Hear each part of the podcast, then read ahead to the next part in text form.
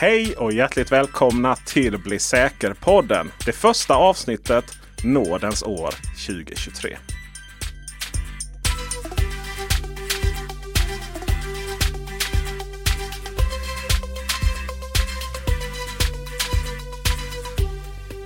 Ja, god morgon, god morgon. Och vad inleder vi nådens år 2023 med? Va- Varför sa du nådens år förresten? Det låter intellektuellt. Okej. Vad inleder vi nådens år med att prata om? Jo, hur 2022 gick och framför allt framtidsspaningarna som jag och Tess la fram. Hade vi rätt? Eller hade vi fel? Det kommer ni få svar på i veckans avsnitt av Bli säker-podden som produceras i samarbete mellan Nika Systems och Bredband2. Och det här är faktiskt inspelat precis så som det ska på torsdagen den 5 januari för sändning den 6 januari. Jag har fått eh, sätta min telefon på eh, ljudlös för att vi ska kunna spela in det här avsnittet. Och eh, eftersom du var här på kontoret igår också, eh, Peter, då vet du varför. Det går inte att sitta och prata med dig överhuvudtaget för det ringer på din telefon konstant och sen hör man dig lite ursäktande förklara att du har inte alls sökt de personerna som ringer upp. Nej, för ehm, den här veckan har jag eh, blivit utsatt för en väldigt intressant attack. En eh, typ av överbelastningsattack. En attack som ehm, Säkerhetspodcastens flygande reporter Robin von Post så eminent kallade Amplified DDoS by Telephone, alltså en eh, förstärkt distribuerad överbelastningsattack via telefon. Och det, du använder ordet intressant och vi pratar om det här som att det är också lite intressant just för att det här är en säkerhetspodd. Men det är ju de facto ganska skandalöst. Ja, eh, vad är det som händer? Jo, det är alltså något företag som ringer upp personer med mitt telefonnummer. Ni vet spoofing-attacker som vi har pratat om. Spoofing-attacker är ju sånt som framförallt brukar påverka banker. Eh, angripare de spoofar bankernas uppringarnummer så att det ser ut som att det är banken som ringer. Men så är det i själva verket inte det. Och nu är det alltså då någon som gör det med mitt nummer. Och de gångerna som eh, personerna inte svarar så har de ju ett missat samtal från mig. Så nu ringer det stup i kvarten till mig från personer som undrar vad jag egentligen ville, men jag har aldrig ringt dem.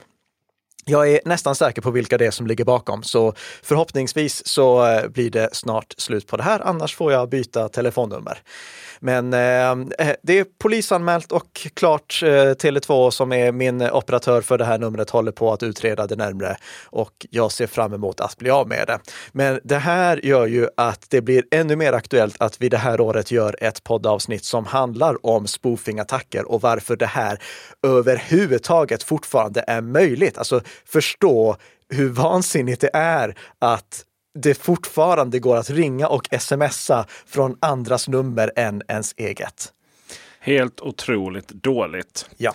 Vi eh, går över till någonting som eh, dåligt kanske det inte är. Vissa bra, vissa bra spaningar för 2022. Alltså, säg som det, du ville säga att mina spaningar var dåliga. Nej, alltså. De, de, nej. de var inte högkvalitativa, men till, mitt försvar, eh, jag och Tess hade kommit överens om att vi skulle vara lite mer visionära, vi skulle ta ut svängarna lite mer. Eh, Och Tess sa också i avsnitt 149, som då är avsnittet då vi eh, la fram de här spaningarna, att det var många långskott. Och ja, det, det får jag hålla med om, jämfört med tidigare år då. Det finns en princip som man kanske inte så många använder i, på internet och i politik och så vidare. Men det finns något som heter generositetsprincipen. Att man alltid ska liksom lägga manken extra till till att kanske övertolka på ett positivt sätt. På, Ja. så, på så sätt kan vi lära oss saker. Eh, men nu till de här spaningarna och frågan är ju flyger hästar igen? Ja, hästar flyger igen. Och det var då alltså en hänvisning till spionprogrammet Pegasus. Ifall ni har lyssnat på den här podden under det gångna året, då är ni troligtvis trötta på att höra mig prata om spionprogrammet Pegasus. För snacka om att vi har fått höra mer om hur det har missbrukats för att spionera på politiker, på journalister, på frihetskämpar. Spionprogrammet Pegasus har definitivt flugit igen, i alla fall när det kommer till avslöjanden. Ifall Pegasus har använts för att spionera på några nya måltavlor så här under 2022? Det vet vi ju däremot inte. Det kanske vi först får reda på om något år, om vi får reda på det överhuvudtaget. Men det vi däremot vet, det är att eh, världen har insett konsekvenserna av att den här typen av spionprogram finns. Och det är ju därför som Apple har lanserat det här låst läge, säkerhetsfunktionen som finns i eh, nya MacOS Ventura och iOS 16. Så vill ni eh, veta mer om det här med att hästar flyger igen och spionprogrammet Pegasus, lyssna på tidigare avsnitt, framförallt avsnitt 152, som vi spelade in direkt efter de här profetiorna för att det, det hade redan slagit in. Eh, eh, där har vi mycket mer information om det, men där säger i alla fall hästar flyger igen, ja, ett rätt. Just det. Mm. Molnet har ju varit mycket aktuellt under året. Det har varit moln som eh, ur ett integritetsperspektiv. Det har varit moln i USA. Det har varit en hel del diskussioner om vad vi får göra i molnet. Men eh, spaningen där var ju att Nextcloud skulle bli just vårt nästa stora moln. Ja, bakgrunden var att ESAM-utredningen, en utredning som Skatteverket, Åklagarmyndigheten, eller förlåt, Kronofogden, jag tror Åklagarmyndigheten var med i och för sig också, men flera av de stora svenska myndigheterna gjorde för att hitta ersättare till Microsoft Teams med anledning av att Teams inte var gångbart ur ett eh, personuppgiftshanteringsperspektiv.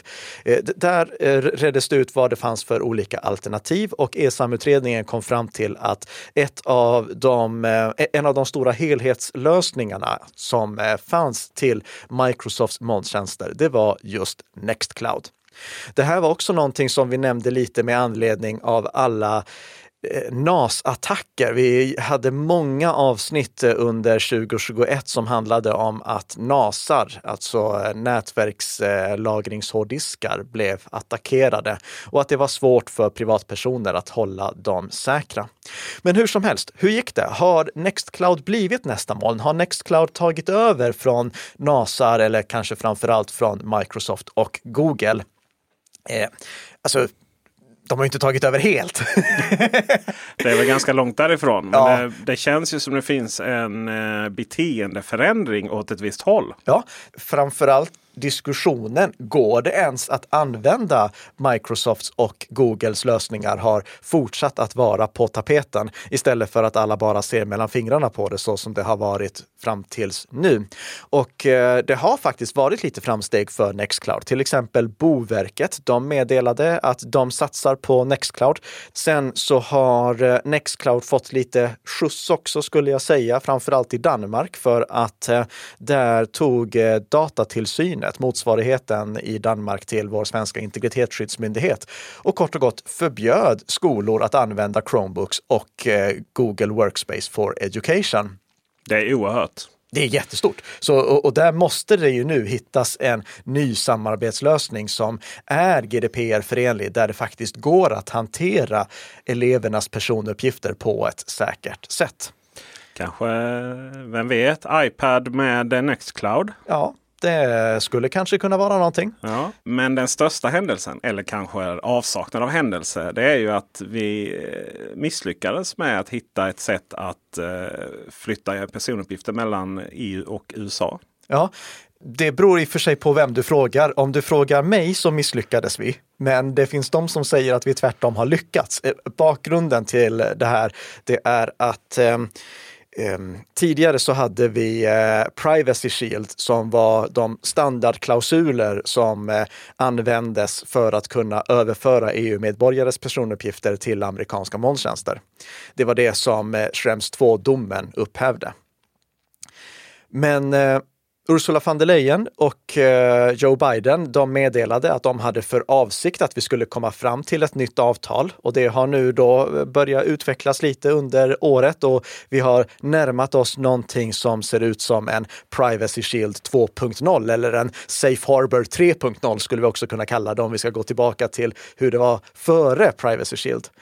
Men det som egentligen alla jag har träffat som jobbar i IT och informationssäkerhetsbranschen och inte är anställda av ett amerikanskt bolag tycker är att det här håller inte måttet för fem öre. Det här är bara en ny presidentorder som kan rivas upp när som helst. Eller till och med det kan finnas en presidentorder som säger att den här presidentordern inte är giltig. Så eh, att det som vi nu har börjat staka fram någonting till. Eh, den här, det här försöket till ett nytt Privacy Shield 2.0 som skulle göra det möjligt att igen börja överföra personuppgifter till amerikanska molntjänster. Det håller jag inte några som helst förhoppningar om att kommer hålla. Eh, sen är ju inte jag jurist, så egentligen spelar det ingen roll vad jag tycker. Så eh, för att ni ska få faktisk information som är värd att eh, lyssna på så lägger vi en länk i våra show notes till eh, Max Schrems kommentar. Eh, vi lägger en länk till hans analys av det pågående arbetet och varför han inte tror att det kommer hålla. Låt oss då backa tillbaka till någonting som är lättare att liksom ta på. Mm. Hur har utvecklingen för Nextcloud själva tjänsten varit? Ja, men det, det, har varit bra. Eh, under året så fick vi Nextcloud Hub 3. Nextcloud eh, har då lagt till eh, ytterligare förfiningar på de här samarbetstjänsterna. Nextcloud var ju ursprungligen mest en filhanteringstjänst, men sen har de då den här hubbmodellen som ska göra det lättare att samarbeta med inte bara chatt och sånt, utan även kalender och kontakter, e-post och liknande. För Nextcloud är gamla eh, OwnCloud egentligen. OwnCloud, ja, det, det, bygger på gamla OwnCloud. De byggde vidare därifrån. Så ehm, eh, det, det, de har lanserat det. Det var en stor sak i år. Många små förbättringar gra grafiska gränssnittet blev värre i min mening, men det är ju smaken som baken. Ja, jag, det är att, alltid. Ja, Alla det, de projekten ser alltid ut som en påse skridskor. Ja, okej, okay, vi lägger till mer eh, avstånd, större avstånd så vi får plats med mindre information. Nej, eh, jag tyckte det var ett steg i fel riktning, men det finns säkert de som tycker precis raka motsatsen. Huvudsaken var att Nextcloud Hub 3 kom med flera förbättringar på funktionalitetsfronten, vilket jag är glad för. Jag har uppdaterat till det och eh, är nöjd, mm, förutom då att det grafiska gränssnittet är sämre. Men det har varit bakslag också. Och det är inte bakslag som har kommunicerats ut, utan det är bakslag som jag bara har noterat. Och den första stora saken, det är att eh, Nextcloud hade 2020 ett stort projekt där de eh, slog på stora trumman för att Nextcloud skulle bli end-to-end krypterat eller totalstreckskrypterat som vi säger nu. Den lösningen som de byggde då slutade de att utveckla. Den eh, gick över till att bara vara underhållen, alltså att de fixade lite små buggar och eh, eh, gjorde så att eh, den fungerade med nya versioner av Nextcloud. Men 2020 när de lanserade själva det här totalstreckskrypteringsprojektet, då hade de en stor marknadsföringssida där de berättade att det finns stöd för eh, offline-återställning. Det finns möjlighet att dela filer mellan användare. Det finns stöd för hårdvarusäkerhetsnycklar. Det finns inte. Det finns fortfarande inte. Och nu har de bara lagt till en liten notis på den här marknadsföringssidan där det står citat Note, our end-to-end encryption solution is under constant development. Slutcitat. Och så en förklaring av att några av de här funktionerna som vi fortfarande pratar om ovanför på sidan och vi marknadsförde hårt som att de fanns 2020, de finns inte. Och just att det inte ens går att dela filer. alltså, det, det är så dåligt. Och att deras totalstreckskrypteringslösning är under konstant utveckling. Det är en lögn. En av utvecklarna bekräftade till och med för mig i en GitHub-diskussion att utvecklingen av de här funktionerna, den, den är pausad. Det, det sker ingen utveckling där. Det står still. Så Tålamod nej, nej, nej, nej, mitt tålamod är helt slut där. Det, ja, ja, nej, nej, nej. Det, eh, Nextcloud kommer inte att bli en totalstreckskrypteringslösning, utan Nextcloud kommer vara degraderat till att bara fungera för de som har kontroll över hårdvaran själv. Eh, för då behövs ju inte totalstreckskryptering i samma utsträckning. Och jag förstår att de satsar på att lösa säkerheten på det sättet istället. De har till exempel valt att eh, satsa fullt ut på en eh, Eh, Office-tjänst, en kontorstjänst som heter Collabora Office eller Collabora Online Office och brandat om den till Nextcloud Office. Och till skillnad från konkurrerande lösningar som till exempel Only Office så baseras den helt och hållet på att eh, själva processandet av informationen sker på serversidan och sen visas bara en bild av det som sker på serversidan för användaren i användarens webbläsare. Vilket blir helt omöjligt att göra om informationen är totalstreckskrypterad. Så Nextcloud, de har lagt ner idéerna på totalstreckskryptering, vilket är jättesynd att se. Eh, oerhört synd att se. Ja, det här är inte ett avsnitt om framtidsspaningar så jag vågar knappt fråga då, eller kommer inte fråga hur det kommer se ut framöver. Men det finns väl ändå en viss positiv momentum för Nextcloud.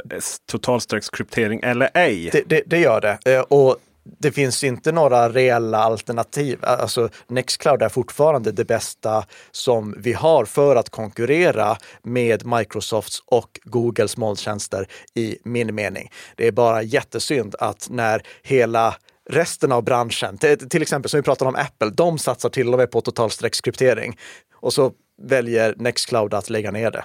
Det, det är jättesynd att se. Hur som helst, eh, fick vi rätt på att Nextcloud blir nästa moln? Jag vill ha ett halvt rätt. Ett halvt rätt får du. Tack. Vi går vidare till nästa och eh, då är frågan om eh, den gående dubbelankan kväver den eh, mysande eldräven. Det var ja. inte alls så långt du har skrivit här, men jag tycker att det är ändå duck, duck, go mm. kontra en, en Firefox räv som liksom slingrar sig. Ja, det, min spaning var att eh, nu när DuckDuckGo skulle lansera sin egen webbläsare, då kände jag att oh, det här är faktiskt någonting som skulle kunna utmana min favoritwebbläsare och min huvudsakliga webbläsare Firefox eftersom eh, DuckDuckGo verkade ha ett större momentum då i alla fall jämfört med eh, Mozilla som ligger bakom Firefox. Men eh, här blir det ju noll poäng. Jag skulle snarare nästan säga att det blir minuspoäng för mig här. För, eh, ja, vad hände sen? ja, vad hände sen? DuckDuckGo de släppte en eh, betaversion av sin webbläsare för MacOS och den var oanvändbar Eh, den är oanvändbar. Den släpptes utan stöd för synk. den var så spartansk att den inte var användbar i min mening. Och vi har fortfarande ingen Windows-version och vi har fortfarande ingen Linux-version. Så DuckDuckGos webbläsare på desktop har inte tagit fart. Men det var inte det i min mening som gjorde att DuckDuckGo gick från att vara en uppåtgående integritetsraket till en, eh, till en fallande skadeskjuten anka. En fadäs uppstod ja. under året. Ja, mm. och det var eh, relaterat till mobilapparna och eh, den här nya desktop-appen. För DuckDuckGo, de hade ju gjort sig kända som en integritetsvärnande sökmotor med tillägg som blockerar spårning och som levererar sökresultat utan att du som användare blir spårad. Problemet var här att DuckDuckGo uppdagades att, eh, alltså, bara spåra lite grann. mm, från en viss, ett visst bolag. Ja, mobilapparna, de spårade fortfarande, eller tillät fortfarande spårningsförsök från Microsoft och LinkedIn. Och det här var inte DuckDuckGo transparenta med. Om ni vill veta varför de tillät spårningsförsök från Microsoft och LinkedIn så är det för att eh, Microsoft, de äger LinkedIn av någon anledning. Och, eh, och eh, Microsoft är också de som eh, ligger bakom sökmotorn Bing och DuckDuckGo är Bing. Eh, om ni har funderat över varför DuckDuckGos sökresultat är sämre än Googles så eh, varför DuckDuckGos sökresultat i min mening är sämre än oh, Googles. Där kom den. Där kom den. Så är det för att eh, DuckDuckGo i huvudsak får sina sökresultat från just Bing. De har flera källor, men Bing är den huvudsakliga källan. Men spårningssök från Microsoft, vad är det Microsoft spårar då? Alltså deras annonsnätverk då? Eller ja, precis. Det är, det är spårningsförsök av olika typer, third party trackers, eh, som eh, fortfarande tilläts från Microsoft och LinkedIn. Inte på sökmotorn. Sökmotorn, där var det inte tal om spårning, utan det var det, det, var spårningsförsök i själva webbläsaren. Och det är viktigt att hålla isär här så att vi inte kritiserar DuckDuckGo för mycket. Att det var inte tal om att de som använde sökmotorn blev spårade, utan det var på grund av den här sökdealen som DuckDuckGo hade med Microsoft som de inte fick blockera spårningsförsök från Microsoft i den webbläsare som de har till iOS och Android och nu också till MacOS. Jo, var man, det var väl så att man inte var så himla tydlig med detta va? Va? Det, där var årets underdrift hittills. Det, det stod ingenstans. Jag tänker att det, det, ju, det var lite som vi pratade med LastPass där nu. Att, att det kanske inte alltid är de facto som är problemet utan att man helt enkelt inte pratar om det, att man försöker gömma det. Jag håller med dig till 100 procent. Problemet här det var inte att spårningen skedde. Problemet var att DuckDuckGo hade vaggat in sina användare i ett förtroende om att DuckDuckGo inte spårade. Och så finns det sådana här avtal som gör att det spåras i alla fall. Um, deras vd Gabriel Winberg eh, sa så här maj 2022. Citat. For non-search tracker blocking, for example in our browser, we block most third-party trackers. Unfortunately, our Microsoft Search Syndication Agreement prevents us from doing more to Microsoft owned properties. However, we have been continually pushing and expect to be doing more soon. Slutcitat. Så, ja, de, eh, de borde ha varit mer transparenta med det här och eh, några månader senare då tillkännagav de att deras eh, webbläsare också blockerade Microsofts spårningsförsök. Men då var skadan skedd. Då var skadan det, och, och framförallt när, när, eh, när, när vdn erkänner att ja, det, vi blockerar inte riktigt allt. Det, det, det, är bra att han kom clean med det, om man kan säga kom clean, got clean. Men eh, det här är ju sånt som de borde ha tillkännagett för länge, länge sedan, att det fanns undantag. Ska vi då kolla lite hur det gick för Firefox? Ja. I januari 2022 hade Firefox en marknadsandel på allt då, alltså både mobil och desktop på 4,2 procent. Medan december 2022 så var den nere på 3 procent. Så förlorat en dryg procentenhet. Just det, just det. Så du kanske, du kanske ändå fick lite rätt där. Får vi se. Mm. Desktop då ska vi kolla på bara. Eh, Firefox januari 2022 9,2 procent. Och i december så är det nere på 7,2 procent. Så 2 procentenheters eh, tapp på desktop specifikt för Firefox del. Just det. Så vad säger vi då om DuckDuckGo? Ja, vi säger inte så mycket för att tillsammans med Brave så syns de inte överhuvudtaget i statistiken utan ligger under övriga som mm. också ligger betydligt lägre. Utan det är faktiskt Microsoft Edge som har tagit andelar ifrån Firefox. Mm. Så um, Firefox tappar, men det är inte DuckDuckGo som vinner. Det var det kan man säga dubbel negation där och det blir inte plus lite beroende på hur vi ser på det. ja, det, jag, jag, får inget poäng för den spårningen i alla fall. Nej. Men vet du vad? Jag har faktiskt lite förhoppningar om, eh, eh om eh, Firefox i år. Det, jag, jag, tror faktiskt att det kan eh, bli lite förbättringar där. Okej, okay, ja, du, mm. du, får nästan liksom, eh, du får nästan ge någon form av underlag för detta påståendet. Ja, det, det, det, får man vänta till nästa vecka med om man vill höra. Oj då, ja, ja prenumerera mm. så missar ni inte det. Nej, det är Firefox Comeback 2023.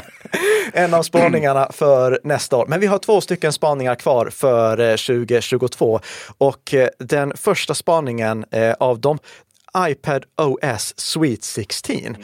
Spaningen var en, eh, enligt Tess en, eh, ett longshot. Och det var att iPad OS skulle bli mer anpassat för företagsbruk och börja utmana eh, Windows och Mac OS på riktigt på alltså, kontorsdatorer. Eh, att eh, iPad OS skulle sluta vara en uppblåst version av iOS och bli ett fullfjädrat operativsystem istället. För det är ju mycket, mycket säkrare med ett sådant operativsystem jämfört med Windows och Mac OS. Till exempel iPad och Nextcloud. Och därmed så har vi knutit ja, ihop den det, säcken som vi tog upp i början. Det hade varit snyggt där. Och det som jag hade som argument för det, det var att eh, Apple hade släppt en eh, iPad Pro med eh, M1-systemkretsen, alltså samma systemkrets som sitter i många av Apples nyare datorer.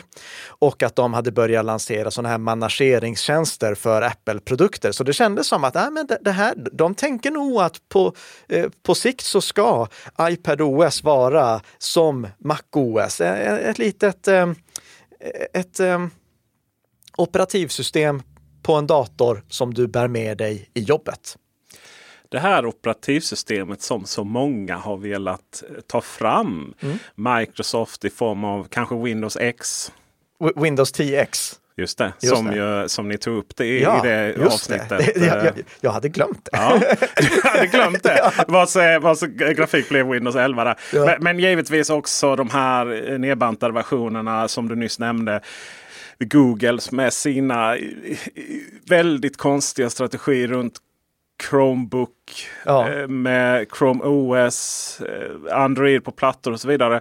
Det finns ju ett behov att ta ner Ja, alltså Windows och Mac OS är allt för kompetenta operativsystem för att en vanlig kontorsmedarbetare egentligen ska behöva dem. Det finns så mycket funktioner som orsakar potentiella säkerhetsbrister som inte hade behövt finnas där för att ingen någonsin använder dem. För du här nu menar ju att det kanske inte blev av då, även trots att vi har fått Stage Manager och som ju, ja vad är Stage Manager? Ja, jag tänkte du skulle förklara Stage Manager. Ja, det är ju lite svårförklarat för att det är lite otydligt. Nej, men Stage Manager är ju ett sätt att ha flera fönster på iPad. Mm. Och Det är ju det här att Apple har ju jag menar iPad OS är ju inget eget operativsystem utan det är liksom en version av iOS. så. Ja, så det borde enligt, och det, det, tror jag jag sa i det avsnittet också, det borde inte heta något eget. För det, det Nej. är... Eh, och där någonstans, jag tror att om man hade liksom börjat med att haft en hårdvara man, eh, som man har idag, alltså det vill säga den hårdvaran som Apple har tagit fram, M1 processorn och M2-processorn finns ju också i iPad Pro. Då hade man kanske inte börjat med att skapa ett iPad OS baserat på iOS så som det är idag då. Eller att det är samma. Mm. Utan man hade kanske haft en lite annan paradigm. Utan nu får man liksom bygga på lager efter lager efter lager. Och Stage Manager är ju ett sätt att få fler fönster i, på iPaden. Ja. Och liksom, Mycket av de här funktionerna, mycket det Apple har velat göra genom åren har ju bara skapat mer förvirring. Hur får jag fram saker och ting? Ja. Men det är det här jag menar lite med generositet. Men det är det här jag menar med att man ska vara lite generös i sina tolkningar av specifikt detta fallet då. Där Karl-Emil Nicka menar att iPad 16 skulle liksom bli mer åt företagen, mer eh, distansera sig från iOS. Och jag tycker ändå att man har lyckats med det. Vi har pratat momentum har vi sagt två gånger tidigare. Ja. Nu säger vi en tredje gång. Man har ett momentum åt det hållet. Mm. Jag, jag, jag, håller med dig om just det här med att ifall iPadOS hade uppfunnits idag, då hade det varit helt annorlunda. För iOS, det är ju egentligen en extremt nedbantad version av MacOS.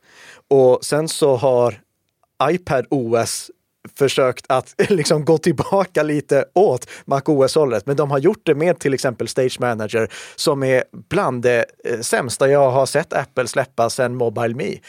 Oh, nu tog jag i rejält där. Ja, det var starka ord. Mobile Me är ju den molntjänsten som kom det var egentligen Apples tredje försök till molntjänst. Mm. Först hade man iTools, sen hade man .Mac, sen Mobile Me. Och Mobile Me utvecklas till iCloud. Ja.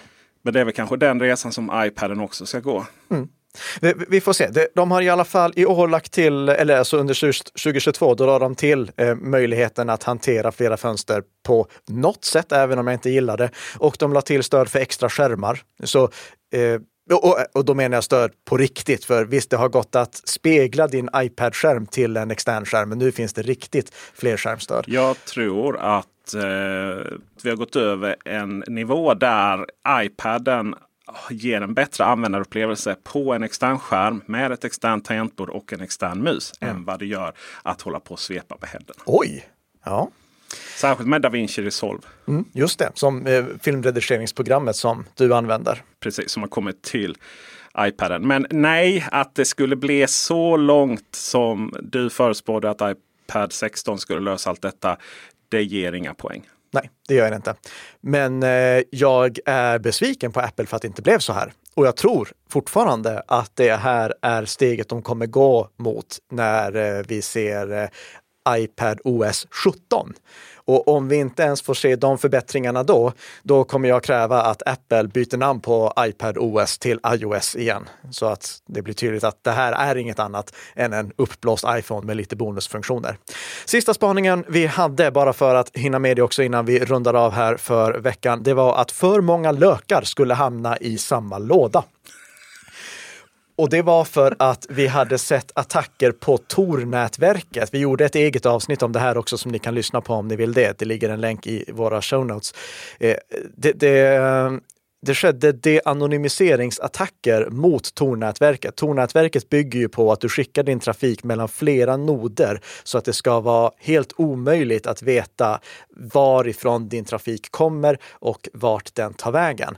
Men ifall alla de här noderna, eller tillräckligt många av dem, eh, är drivna av samma aktör, då kan ju den aktören faktiskt se hur trafiken går. Och vi såg sådana attackförsök och eh, vi har också sett att eh, de som eh, utvecklar Tor-nätverket, de publicerade i april en artikel som hette Malicious Relays and the Health of the Tor Network som ni gärna får läsa. Eh, där de pratar om vad de gör för att det här inte ska upprepas. Men eh, jag vet inte om det var så bra att ha det som en sån här årsspaning, för vi vet inte riktigt än om det har inträffat under det gångna året eller inte. Det får framtiden utvisa, för ja, det är lite för nära inpå för att kunna se om det blev rätt eller fel. Men någonting som jag däremot ser i min spåkula nu, det, det. det är att nästa vecka, mm. redan då på fredagsmorgonen, kommer det komma ett nytt avsnitt av Bli säker-podden.